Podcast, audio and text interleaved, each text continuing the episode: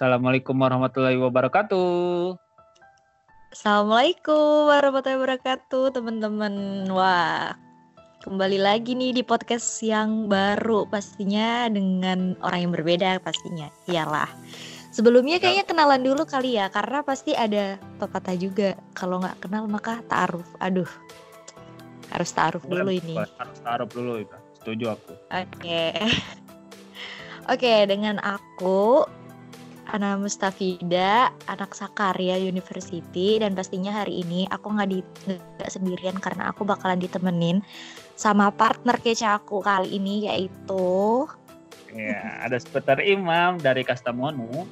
eh anak Kastamonu yang kuliah di Kastamonu University, jurusannya jurusan bahasa Turki.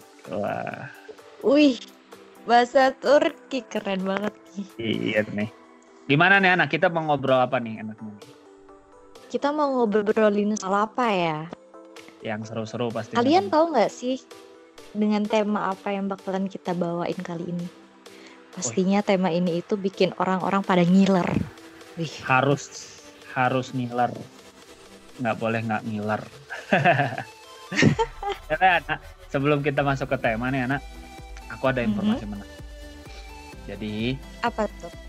Informasi yang aku dapat sekarang adalah sebentar lagi kita akan lebaran ya Itu bukan informasi penting sih sebenarnya karena semua orang juga tahu, tapi bisa lah, oke.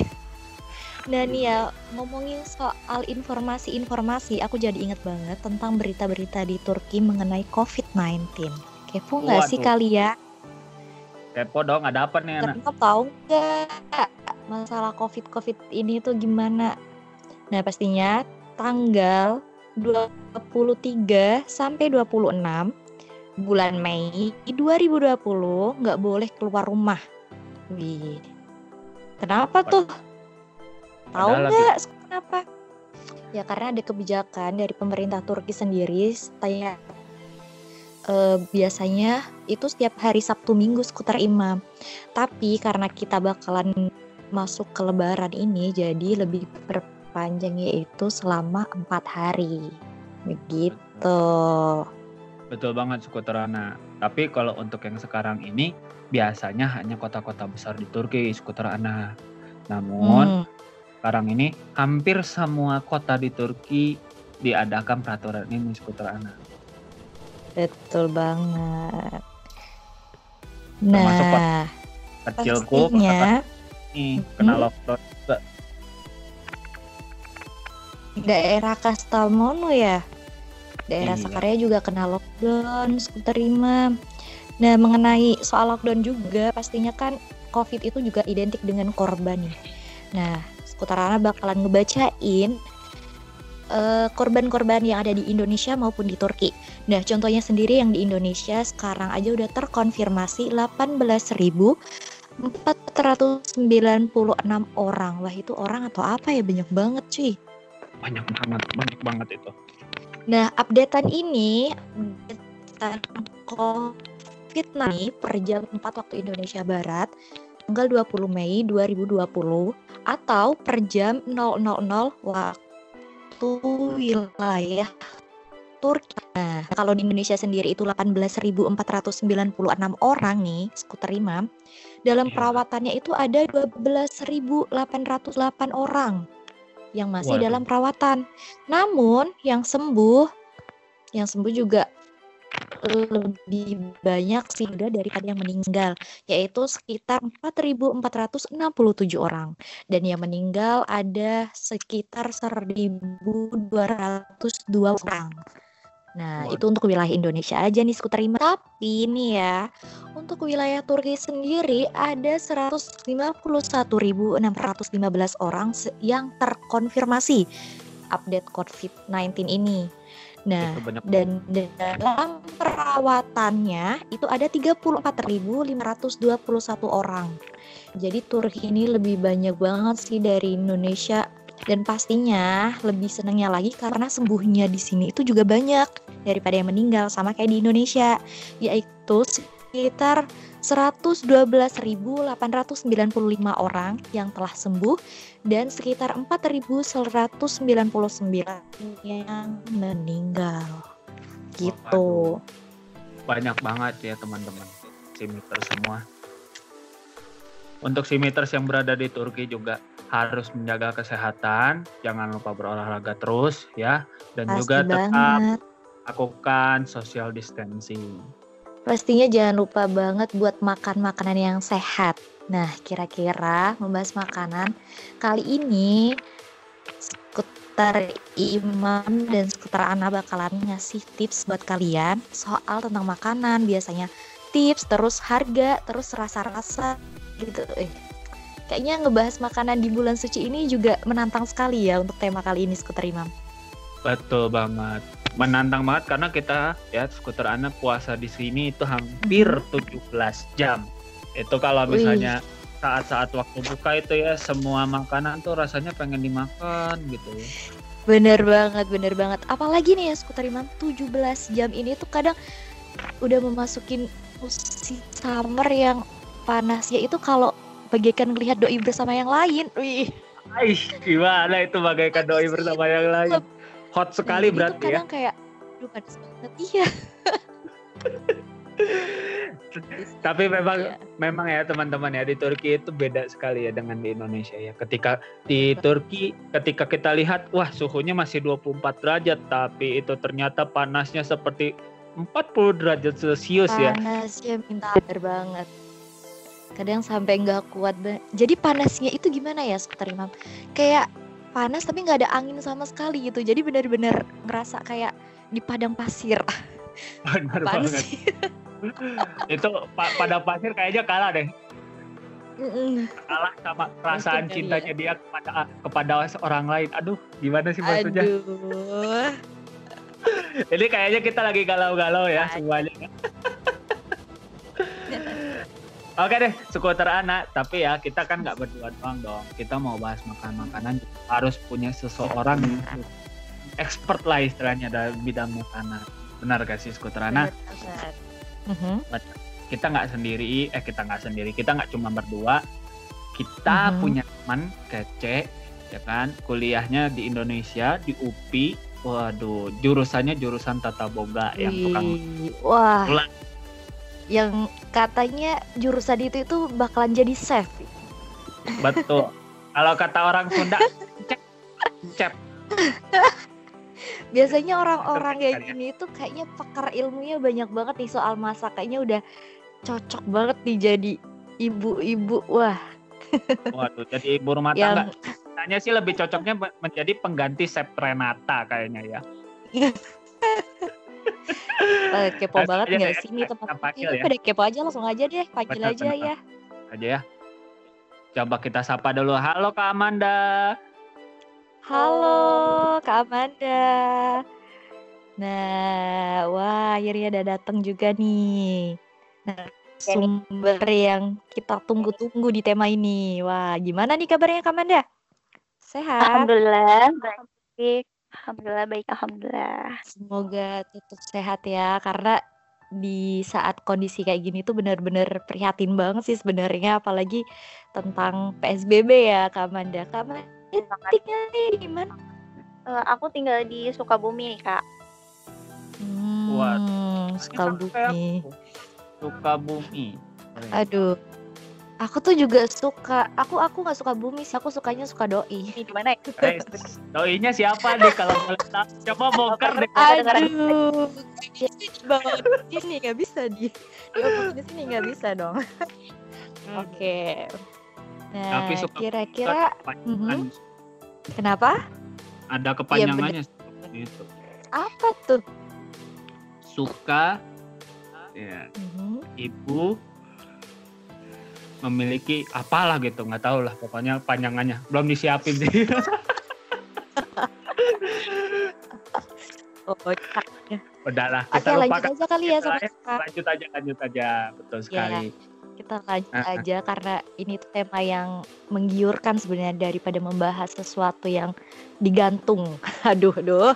Makin lama makin kita beda kita banget bahas sama tema makanan-makanan terbaik di bulan Ramadan dan juga di saat Lebaran skuter anak Wow, karena udah nggak sabar banget ya, bentar lagi lebaran. Pastinya sedih, ada sedih, ada senangnya.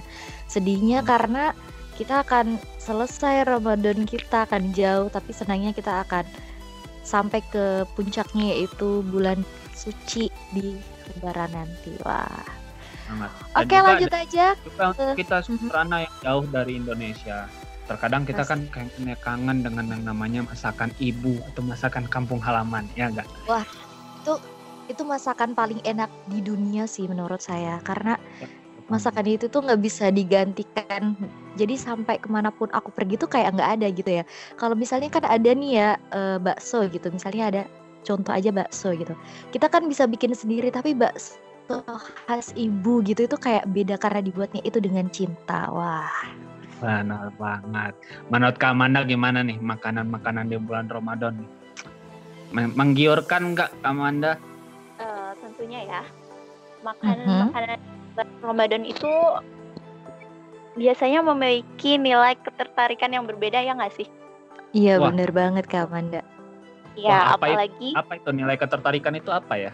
Di mana tuh nilai ketertarikannya? eh, di saat kita memandangnya, maka kita akan menggebu-gebu untuk segera mendapatkannya. nggak kuat nggak kuat nggak kuat Gak kuat itu. Gebu-gebu. nggak kuat karena sebenarnya nggak kuat karena ini lagi bulan puasa sih jadi jadi belum waktunya berbuka karena 17 jam masih lama juga nih ya Benar banget. untuk membahas soal makanan Iya. sebenarnya jadi eh, ini nih ya para skuter pasti pada bingung nih ngomongin nggak kuat soal apa nih? Gitu. Nggak soal nggak kuat soal makanan. Emang kadang nih skuter emang hanya gitu.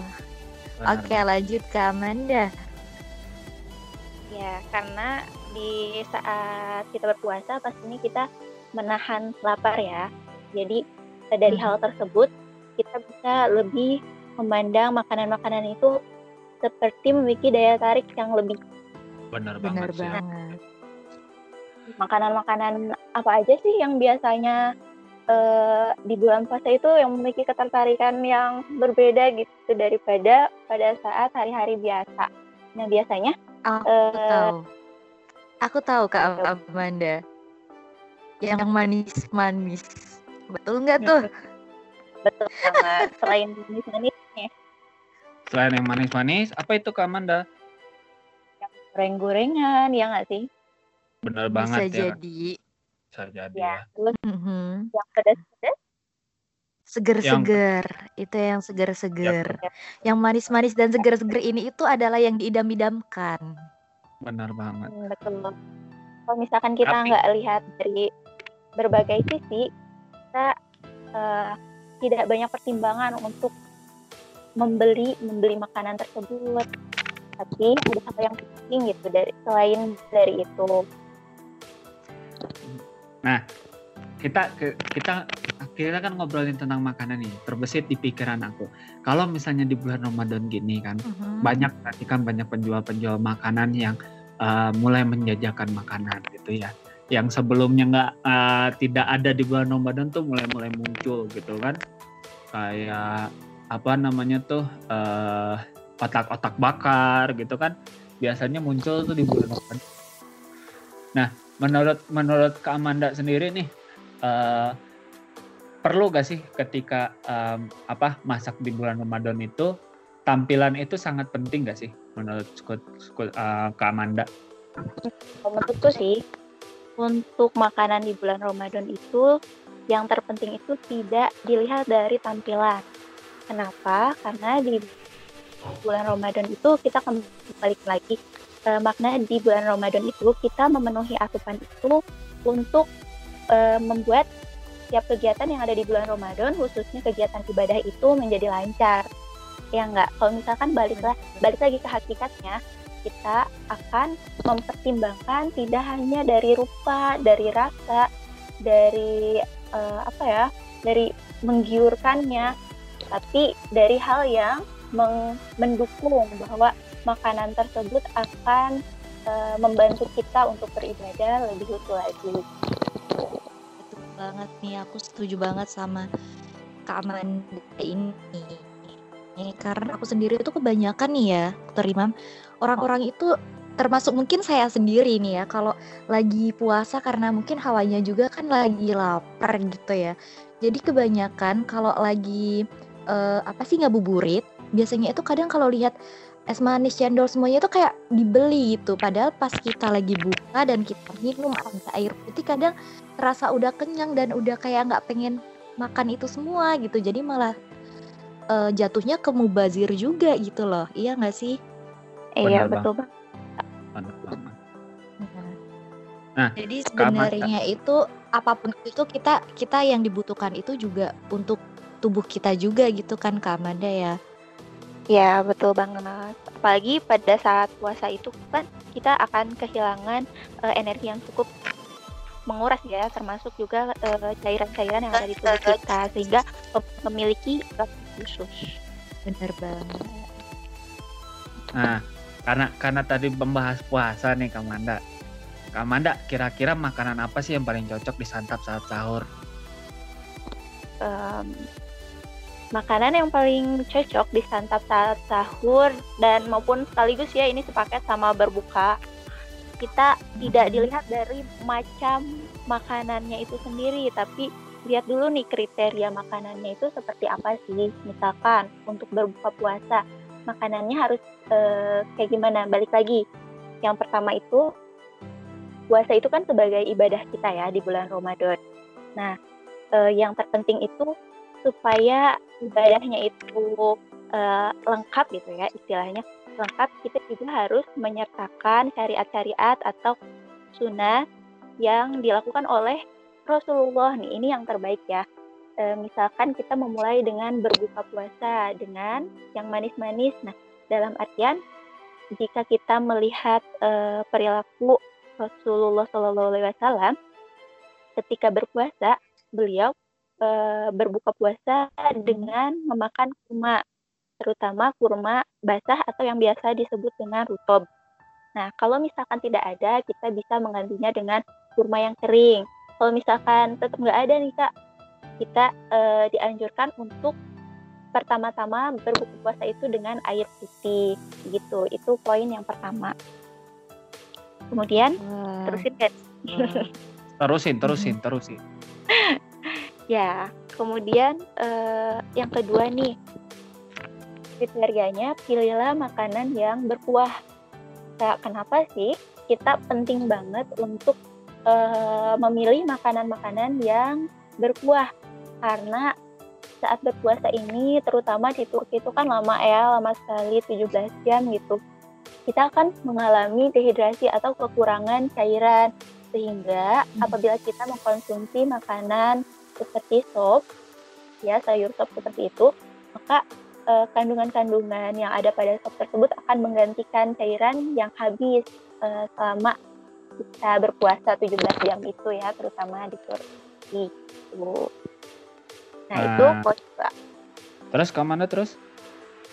Eh, oh iya, di sini juga eh, kenapa sih sop itu dianjurkan? Padahal kan sop itu kalau misalkan teman-teman tahu di sop itu biasanya di Indonesia itu bahan-bahannya apa aja? Ada wortel, ada Iya, engkol, brokoli. ada ada juga eh, apa sih daging-daging ayam biar lebih ada kaldunya. Kalau aku sih biasanya gitu. Iya, betul banget Kak Ana.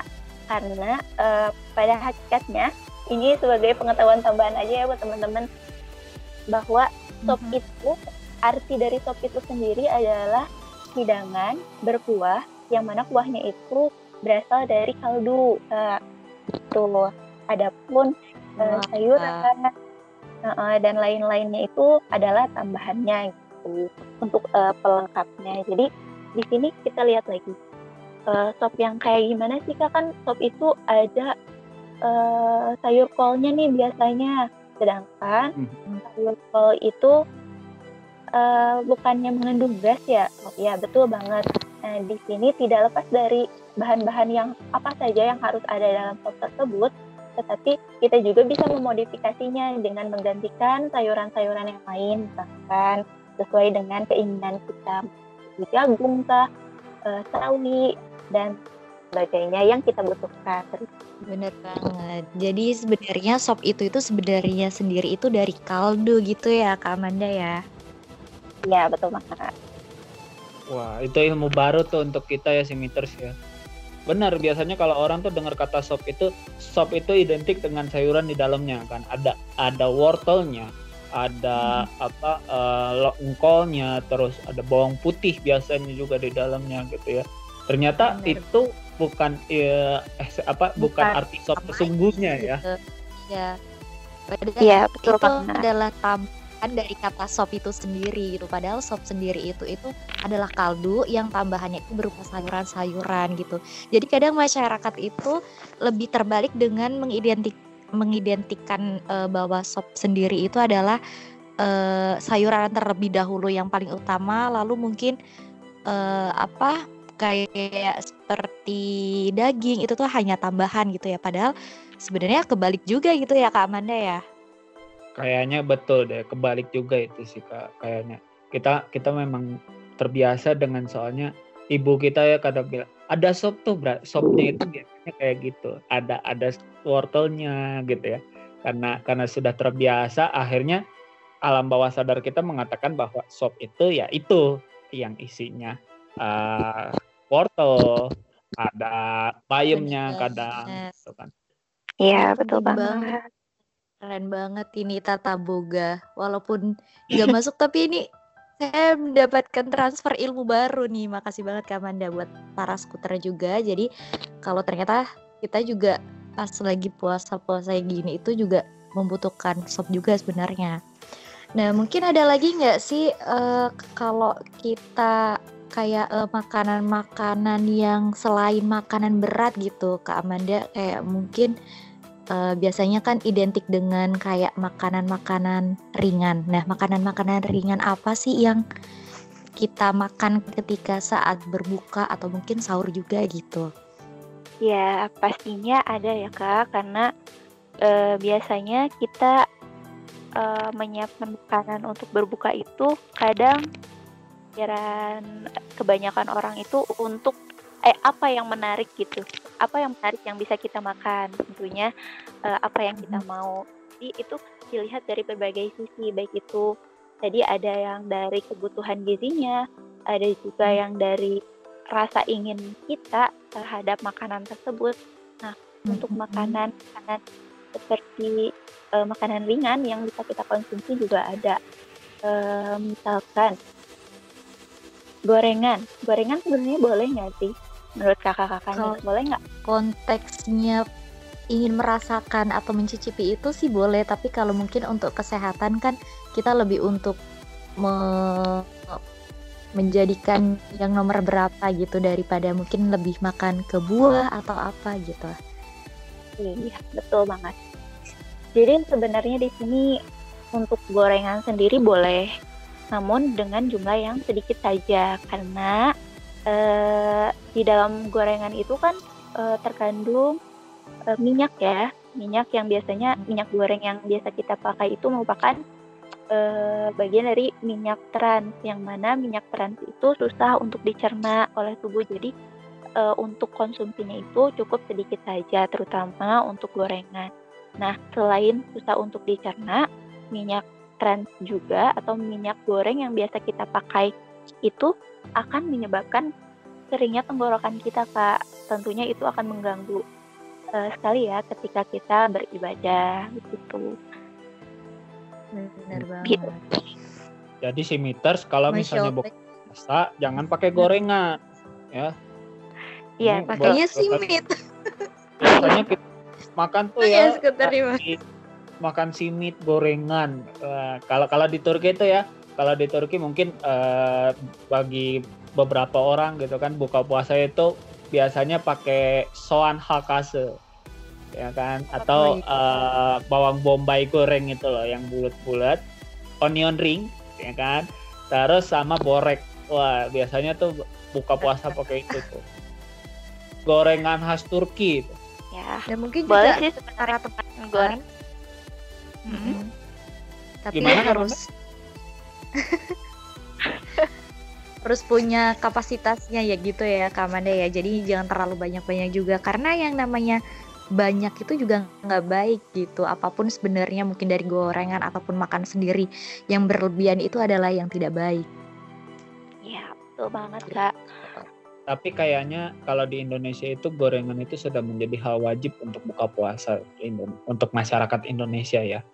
Hampir rata-rata beberapa orang bilang katanya ini kalau misalnya Rasulullah ad- udah ada gorengan nih kayaknya gorengan ini yang jadi sunnah bilangnya gitu ya bercandaannya gitu.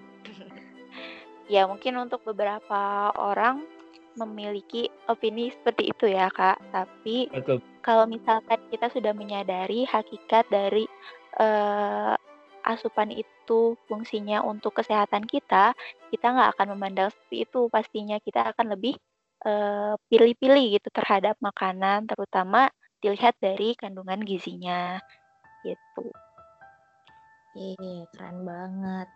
Nah, pastinya nih ya para simiters, kakak dan kangki, eh, baik di Indonesia maupun ada di Turki, pastinya kan kepo juga nih ya sama pastinya di, Indonesia sih, lebih kepo juga masakan atau makanan khas Turki nih yang biasa di eh, buat makan sahur atau mungkin buka puasa.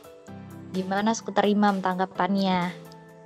Waduh, kalau kalau skuter imam biasa ya buat buat sahur itu makan itu nasi pakai ayam ayam apa ya disebutnya ya? Ayam tomat ayam ayam tomat lada hitam biasanya makan. Atau Itu enggak masak ayam sendiri, goreng masak sendiri. Karena di sini Iya. kan nggak ada yang buka nasi padang gitu kan di Turki nggak ada ya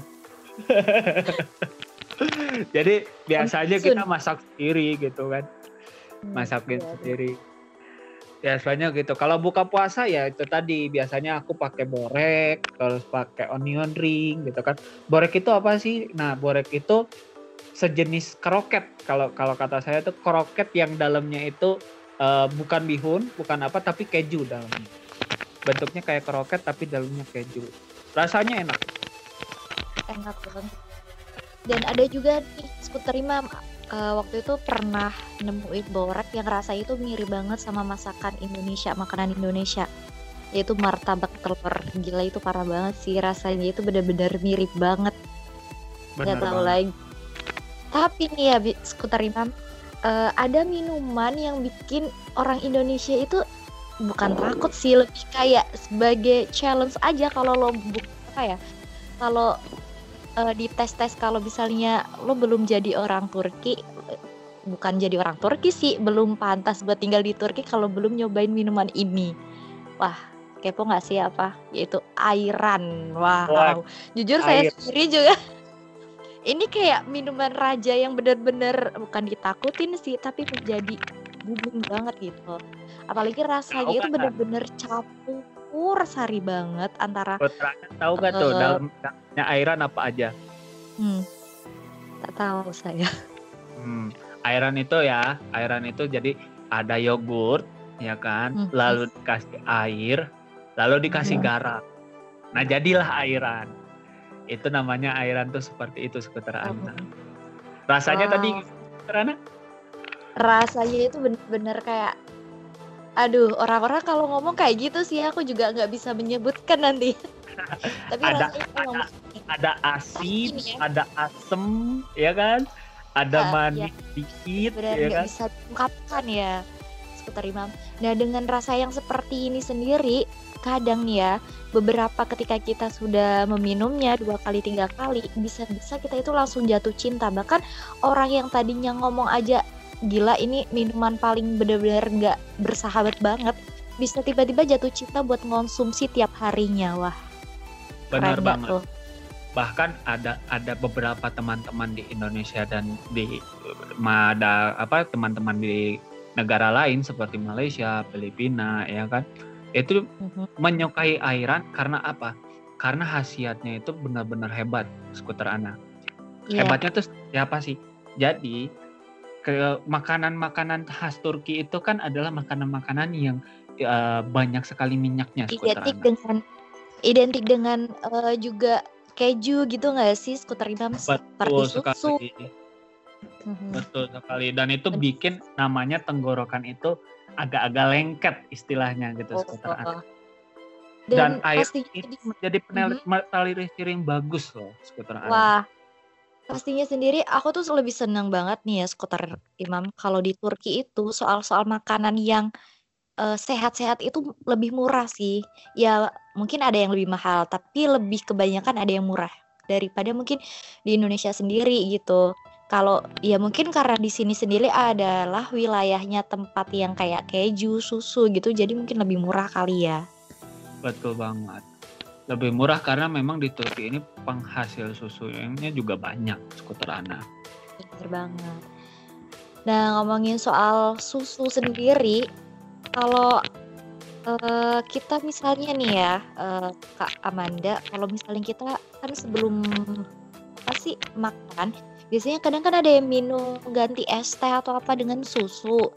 Nah, kira-kira kan eh, biasanya kita lebih kenyang tuh daripada karena udah minum susu itu dari sebelum makan. Jadi kira-kira apa makan itu perlu nggak sih gitu? Padahal kan kita udah merasa kenyang minum susu gitu. Itu gimana Kak Amanda? Eh, sebenarnya sih eh, pemenuhan kebutuhan kita sehari kebutuhan sehari kita itu tidak hanya cukup dipenuhi dengan satu jenis makanan saja atau satu jenis minuman apalagi minuman ya Eh, jadi kalau misalkan kita merasa kenyang eh, dengan meminum susu saja di Mhm. disiasati saja eh, supaya apa yang kita konsumsi itu tidak susu duluan gitu. Hmm, benar banget, benar banget. Iya, benar banget. Jadi walaupun kadang kita ngerasa kenyang, tapi padahal kita juga butuh kayak vitamin lain atau butuh protein lain yang harus mungkin masuk ke tubuh gara-gara mungkin minum susu doang jadi kenyang terus vitamin-vitamin atau semacam itu tuh nggak masuk ke tubuh gitu kan. Jadi kayak disiasatin ini benar banget. Ya betul. Karena kalau misalkan lihat dari kandungan gizinya sendiri, untuk susu itu eh, tidak cukup untuk memenuhi kebutuhan energi kita, sehingga eh, efek yang diberikan itu ya apalagi lagi puasa ya, bisa lemas yang berlebihan atau eh, masih tetap merasa lapar atau mudah lapar gitu nanti ke depannya.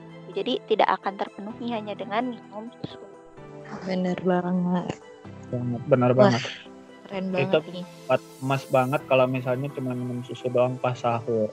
Apalagi ketika jam 12 siang terus ngeliat doinya lagi bersama pasangan lain. Lah kok jadi ke doi lagi ya? Aduh. gimana nih gimana? Efek-efek puasa nih kayaknya deh. Kayaknya bukan efek puasa, efek di rumah aja nih. Benar, efek di rumah aja rindu sama eh, pasangan, ya kan? Rindu, Rindu biasanya sama kan kalau keluarga. sama keluarga juga gitu kan biasanya kumpul bareng sekarang jadi kayak susah banget ya untuk kumpul bareng ya banget. efek pandemik ini ya. Tapi ya skuter Ana ya ngomong-ngomong soal makanan lagi nih skuter Ana. Di Turki itu ya skuter Ana ada namanya eh ekmek Ramadan. Jadi ada roti khusus yang diciptakan atau dibuat hanya di waktu bulan Ramadan saja skuter Ana. Wah. Pernah dengar? Serius sih, aku baru tahu nih kalau yang ini karena emang aku sendiri kan baru nih di sini. Jadi di bulan Ramadan ini aku juga belum pernah keluar. Ya iyalah, maksudnya karena lagi COVID-19 ini Lagi. jadi belum melihat R eh RK jadi Kenapa jadi RK? belum melihat. Biasa ini keselipet nih lidahnya. Nah, teman-teman RKK ini itu bukan roti ya, RKK itu cowok. Jadi beda emang kosakatanya itu hampir melintir gitu. Nah, sebenarnya bukan bukan masalah itunya. Aku sendiri juga belum melihat eh, yang dibuat pas Ramadan aja dan kebanyakan juga roti-roti di sini itu gratis, Kuter Imam. Dan Betul. aku nggak tahu lagi sih ya kenapa bisa gratis dan kayak di mana aja itu kayak ya udah gitu loh kayak misalnya di kantin kita nih ya atau ada eh, kantin aku sendiri itu kadang benar-benar gratis aja. Jadi kalau pesannya cuman corba nah corba ini tuh kayak sejenis sop gitu tapi sopnya itu lebih kental gitu kan. Kalau di Indonesia itu kan dengan air ya tapi kalau di sini itu lebih kayak dengan bumbunya gitu loh. Nah terus dihidangkan juga dengan roti. Jadi kayak rotinya itu emang terserah mau ambil berapapun gitu. Bahkan termasuk kalau misalnya nggak pesen corba pun kalau ada roti apalagi anak kos ya dia pasti bakal akan membawa pulang roti itu gitu buat mungkin kapan nanti dimakan atau di jalan pas lagi lapar gitu dan enaknya iya enaknya di sini tuh juga kadang roti-roti yang misalnya nggak dimakan ataupun apa itu bakalan diberikan untuk ke anjing gitu atau hewan-hewan peliharaan yang ada di sekitar gitu. Benar banget. Memang peng- apa Turki ini adalah salah satu penikmat roti terbesar ya. Menurut menurut Hmm. saya gitu ya. Karena memang di setiap tempat kalau misalnya kita lagi lagi kumpul gitu kan sama sama teman-teman Turki gitu kan eh, pasti ditanya makan roti gak gitu kan ketika kita bilang enggak kami makannya nasi wah mereka pada kaget gitu kan karena memang Iya betul makan nasi ini bukan bukan menjadi makanan utama buat mereka gitu kan Cuma buat kita tapi terkadang juga eh, mungkin nggak apa-apa sih kalau makan nasi itu pas siang gitu ya mungkin wajar. Tapi di saat kadang kita lagi bareng-bareng gitu sama teman-teman anak yang lain yang mungkin bukan orang Indonesia pastinya ketika kita lagi sarapan aja sampai kadang bingung juga Eh, oh ya mau mereka kan makannya roti ya kita makannya nasi jadi pagi-pagi udah makan nasi gitu. Padahal mungkin menurut mereka nggak apa-apa sih kalau makan nasi itu pas siang tapi kita itu dari pagi. Jadi mereka itu kagetnya itu berlipat-lipat gitu. Kenapa banget. gitu? Tiap hari tiap hari makannya nasi dan itu tuh pagi sampai malam itu harus nasi gitu. Bahkan nih ya skuter imam nasi di sini tuh kan beda-beda ya. Ada yang panjang gitu dan rasanya juga beda. Bahkan cara pemasakannya pun beda gitu. Harus menggunakan minyak segala dan mungkin dengan sedikit tus atau garam agar rasanya juga lebih enak gitu. Jadi teksturnya juga beda gitu. Jadi benar-benar pas lagi walaupun saya sendiri orang Indonesia gitu ketika makan sebenarnya yang beda dengan nasi Indonesia tuh kaget juga. Bener walaupun sama-sama nasi gitu. Nasinya Jadi kadang- tuh unik gitu ya ketika kita kunyah gitu kan waduh ini nasinya kok agak ragih gitu. Kalau kata orang Sunda tuh ragih gitu kan agak-agak keras dikit gitu kan. Terus ada juga yang kelembekan gitu kayak bubur gitu kan. Ya unik-unik lah gitu. Iya. Tadi Nah, kan untungnya ngungkit-ngungkit Mhm. ini ya ada yang namanya eh, corba ya. Ini se- se- sekedar informasi saja sih buat teman-teman. Corba itu terbuat dari tepung-tepungan seputar anak Wah, iya benar Ya, banget. Makanya tuh bisa kental gitu. Betul. Itulah eh, rasanya tuh dari dari rasa tepungnya itu. Jadi tepung jagung dia masak, dikasih daging, dikasih bumbu kaldu, kasih tuh apa ke garam, kasih merica maka jadilah sebuah eh, corba kayak gitu Ini bukan ular ya. bukan dan itu Corba. kobra ya itu kobra bukan bukan corba Oh beda ya udah. beda Ini nama ternyata ya Allah. Co- corba itu menjadi ini menjadi apa menu pembuka untuk orang-orang Turki pasti di setiap restoran ada menu corbanya Tapi saya sendiri juga kaget sih padahal kan ya kalau makan corba itu kan mengandung tadi ya tepung-tepungan. Kan bikin kenyang dong pastinya. Jadi sebelum makan udah kenyang duluan dong sama juga kayak sebelum minum sebelum makan minum susu. Iya nggak sih? Skuter imam? kita coba tanya aja ke Amanda ya. Menurut Amanda gimana tuh? Kalau misalnya makan di awalnya itu makanan pembukanya itu adalah tepung-tepungan baik gak sih kayak gitu? Eh, sebenarnya kalau misalkan kebiasaan makan itu tergantung dari eh, di mana kita berada. Kayak misalkan tadi benar ya, untuk di Turki sendiri sebenarnya untuk roti itu sudah menjadi makanan pokok ya kak. betul betul makanan pokok Ya, sedangkan di Indonesia sendiri kita sudah terbiasa dengan eh, makan nasi ya, karena ini kan jenisnya karbohidrat ya, jenisnya karbohidrat dan kita sudah terbiasa dengan nasi sehingga kalau misalkan kita mengkonsumsinya dengan eh, makanan yang berbahan dasar tepung-tepungan itu akan memiliki reaksi yang berbeda. Seperti tidak nyaman atau eh, pokoknya yang lebih apa ya lebih tidak nyaman dibandingkan eh, konsumsi nasi sendiri. Sebenarnya baik nggak baik sih. Karena untuk tepung sendiri memiliki apa ya eh kandungan yang yang eh, tidak sewajarnya eh, eh, orang perut orang Indonesia gitu kan bener banget. Mungkin bagi orang Indonesia ketika makan corba kenyang terus eh, disuruh makan nasi kenyang juga gitu kan agak aneh gitu ya. Tapi mungkin bagi orang Turki karena memang sudah terbiasa dibuat polanya seperti itu gitu ya jadi ketika mereka bertemu itu eh, apa ya namanya reaksi di dalam eh, tubuhnya berbeda dengan orang Indonesia benar ya Kak Amanda ya ya Bener Ya, banget. betul. Karena yang namanya nyaman itu timbul karena keterbiasaan gitu. betul banget kak Benar. Jadi harus terbiasa dulu. Kalau misalnya sudah terbiasa, bikin nyaman. Kalau sudah nyaman, diapain ya? Jangan lupa dimakan kalau sudah nyaman, biar kenyang ya, simiters. Kita kan lagi Wah, bahas makanan, jangan bahas, jangan mikir yang mana-mana ya. Keren banget nih ilmunya yang didapat dari Kak Amanda banyak banget. Padahal ini itu cuma seputar makanan doang, tapi itu ilmunya benar-benar banyak banget. Jadi kita kayak harus memilih-milih juga dari segi mungkin kesehatan, dari segi keinginan dan bahkan keinginan pun itu jangan sepenuhnya dipenuhi ya karena ya itu bisa mengakibatkan juga kesehatan kita malah yang terganggu dan bahkan menjadikan ibadah kita jadi nggak lancar gitu, terganggu juga. Iya nggak Kak Amanda? Eh, untuk asupan sendiri untuk mengoptimalkan tubuh kita gitu agar kita bisa beraktivitas secara normal. Nah, yang paling penting juga porsi kak, porsi yang cukupnya. Cukupnya itu kayak gimana sih?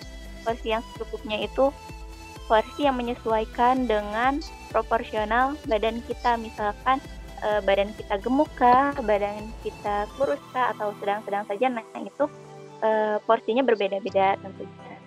Tapi nih ya kak ya, Kak Amanda, saya jadi teringat kalau misalnya tentang tadi body kurus gendut, nih saya inget bagaimana dengan cowok gitu. Kadang saya sendiri selalu lihat ya, mungkin kebany- mungkin kebanyakan orang juga ya. Kalau cowok itu makan porsinya lebih banyak dibandingkan cewek gitu. Menurut Kak Amanda sendiri gimana tuh? Porsi kuli, cowok mau porsi kuli. Gimana tuh menurut Kak Amanda? Wajar sih kak. Kenapa? Karena untuk pemenuhan kebutuhan seseorang itu ada beberapa hal yang menjadi apa ya syarat syarat apa ya itu? eh, dipengaruhi ya, dipengaruhi oleh salah satunya oleh jenis kelamin, kemudian usia, berat badan, tinggi badan, seperti itu. Jadi kenapa Hmm, untuk hmm. laki-laki itu biasanya makannya lebih banyak ya kak? Karena Mm-mm. untuk aktivitasnya sendiri untuk laki-laki itu lebih lebih berat. Tuh. Kenapa? Itu sebabnya kenapa laki-laki itu makannya biasanya kita lihat selalu lebih banyak daripada kita perempuan. Hmm. Nah, keren banget nih Kak Manda. Unik, unik ya Keren laki-laki makan banyak porsi kulit tapi banyak beberapa yang nggak gendut ya kan beda sama perempuan tuh perempuan kalau Nah, misalnya Tapi sedikit perempuan juga ada nih. Aku terima. oh ada juga ya Ini sih yang membuat saya bis. Iya, karena nih ya, ada juga beberapa ya mungkin para perempuan yang mungkin menginginkan badinya itu lebih kayak berisi atau mungkin lebih dinaikin lah badan kilonya gitu. Tapi kadang kita eh, apa ya para yang mungkin melakukan hal yang sama udah makan dengan porsi banyak, minum susu, bahkan minum vitamin tapi masih aja badan-badan yang mungkin dirasa kurang kilonya gitu itu menurut Kak Amanda sendiri gimana sih gitu apa makanan itu sendiri berarti tak termasuk gitu kayak percuma gitu apa gimana Amanda Eh, Nah, untuk hal tersebut juga bisa dipengaruhi, dipengaruhi oleh beberapa hal, Kak. Eh, yang pertama itu ada gen. Nah, bisa jadi eh, kenapa dia konsumsinya sudah cukup atau banyak itu dalam rangka untuk menaikkan berat badan itu, tapi berat badannya nggak naik-naik nih. Nah, itu bisa jadi eh, memang keturunannya seperti itu. Nah, ada juga yang yang kedua itu karena gangguan gangguan pada eh, sistem pencernaannya bisa itu apa ya kalau misalkan secara umum itu kita kenalnya dengan cacingan kamu cacingan kali katanya gitu. Karena Wah. makannya udah tapi nggak gendut-gendut. Nah itu bisa jadi ada dua hal yang memungkinkan gitu. Yaitu gen Wah. atau penyakit yang ada pada dirinya. Jadi kalau nggak gen bisa juga cacingan gitu ya. Jadi sebelum kita mengomong itu gen berarti kita harus membasmi dulu nih cacingnya. Baru kalau ternyata cacingnya nggak ada berarti itu gen gitu ya.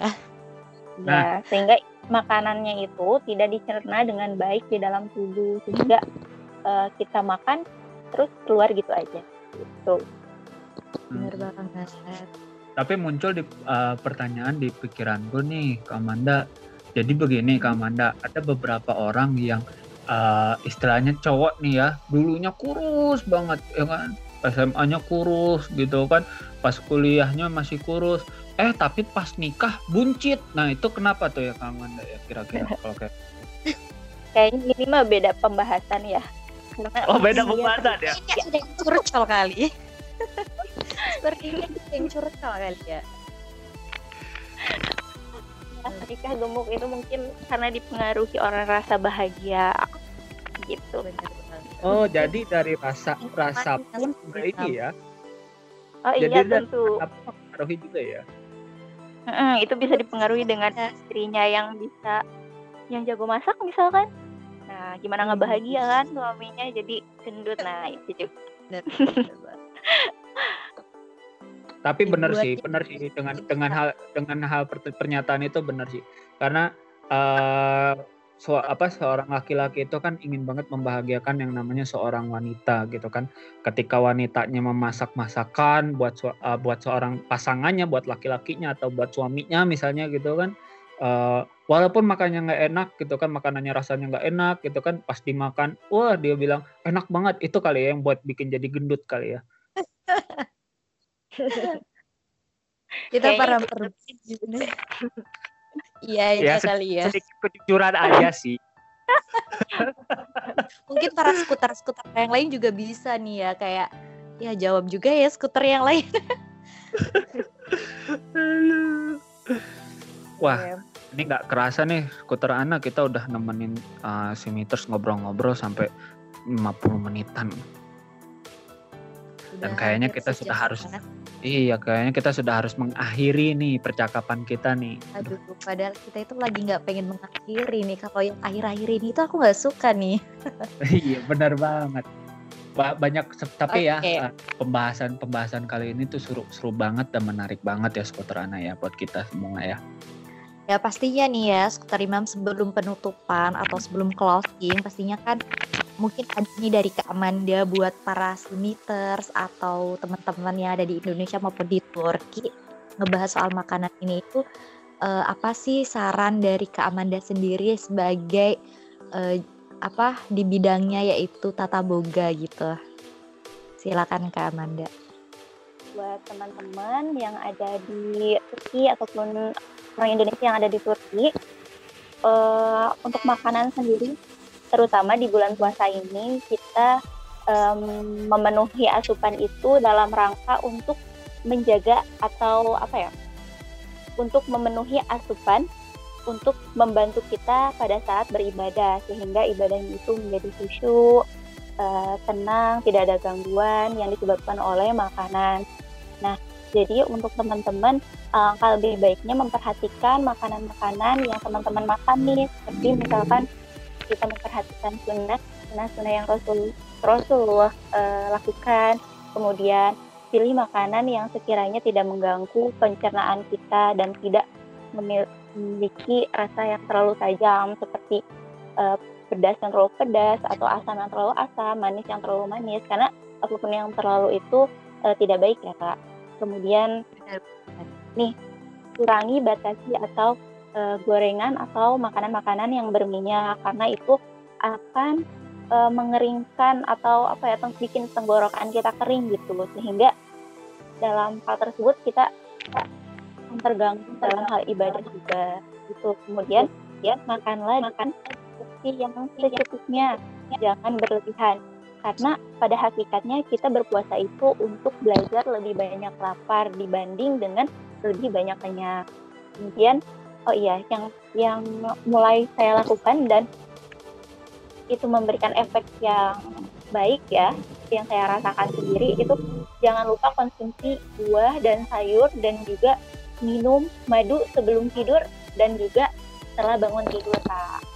Mungkin itu aja sih. Semoga eh, dengan upaya kita menjaga asupan makanan, kita bisa beribadah lebih khusyuk dan eh, lebih menjadikan badan kita sehat hanya dengan ber- eh, walaupun kita dalam keadaan yang berpuasa gitu kak. Cukup. Wah keren banget nih skuter Imam. Jadi Keren poinnya itu banyak banget ya. Padahal ini cuma soal makanan doang loh. Padahal nih ya banyak banget nih ya. Eh, mungkin untuk diri aku sendiri yang kadang itu lebih nggak apa sih kayak mengabaikan soal makanan gitu. Padahal ternyata makanan sendiri ini itu kalau udah masuk ke tubuh itu benar-benar penting banget. Bahkan sampai ada nih ya, aku pernah baca quotes-quotes gitu kan, skuter Imam.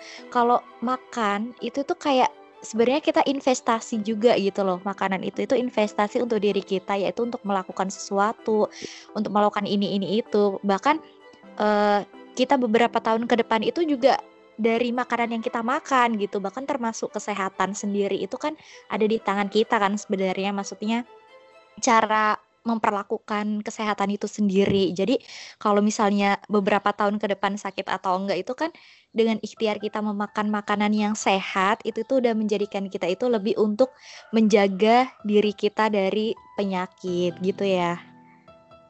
Amanda.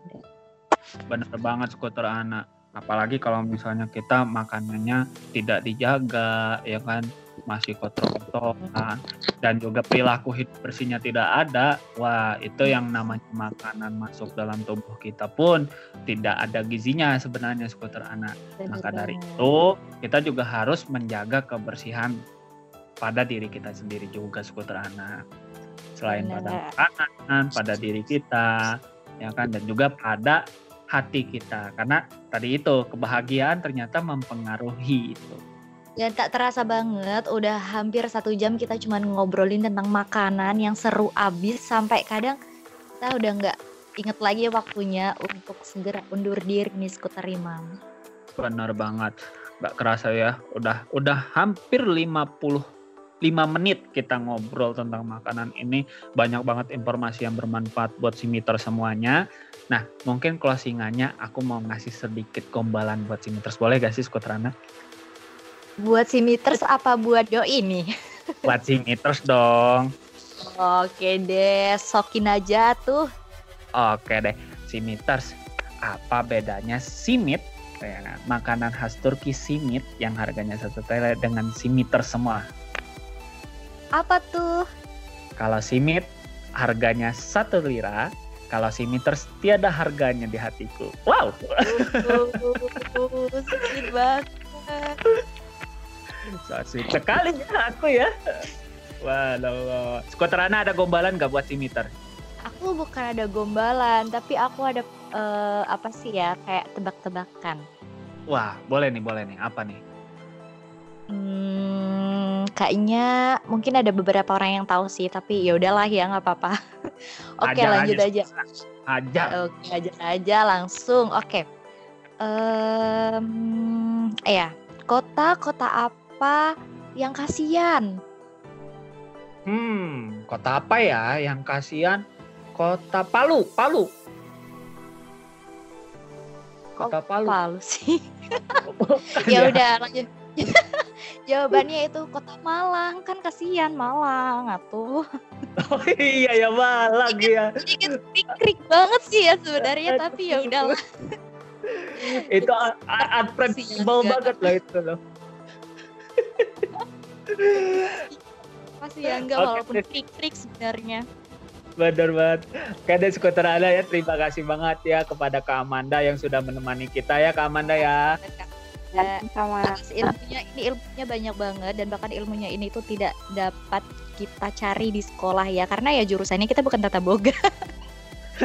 Tapi dengan Kak Manda yang hadir ini membuka kita tentang wawasan bahwa sebenarnya walaupun yang biasa kita abaikan, waduh jadi buat teman-teman itu jangan suka mengabaikan. Nanti kalau udah pada masanya kehilangan yaitu kehilangan mungkin sak apa kehilangan kesehatannya bukan kehilangan apa-apa ya kehilangan sakitnya kan bisa jadi tambah kayak menyesal gitu ya kayak aduh andaikan aja aku bisa mengatur lebih baik tentang soal makan jadi aku mungkin akan juga lebih baik juga tentang kesehatannya gitu Benar banget. oke Oke deh skuter Ana itu aja mungkin Mhm. yang yang bisa kita sampaikan untuk para simiter semua.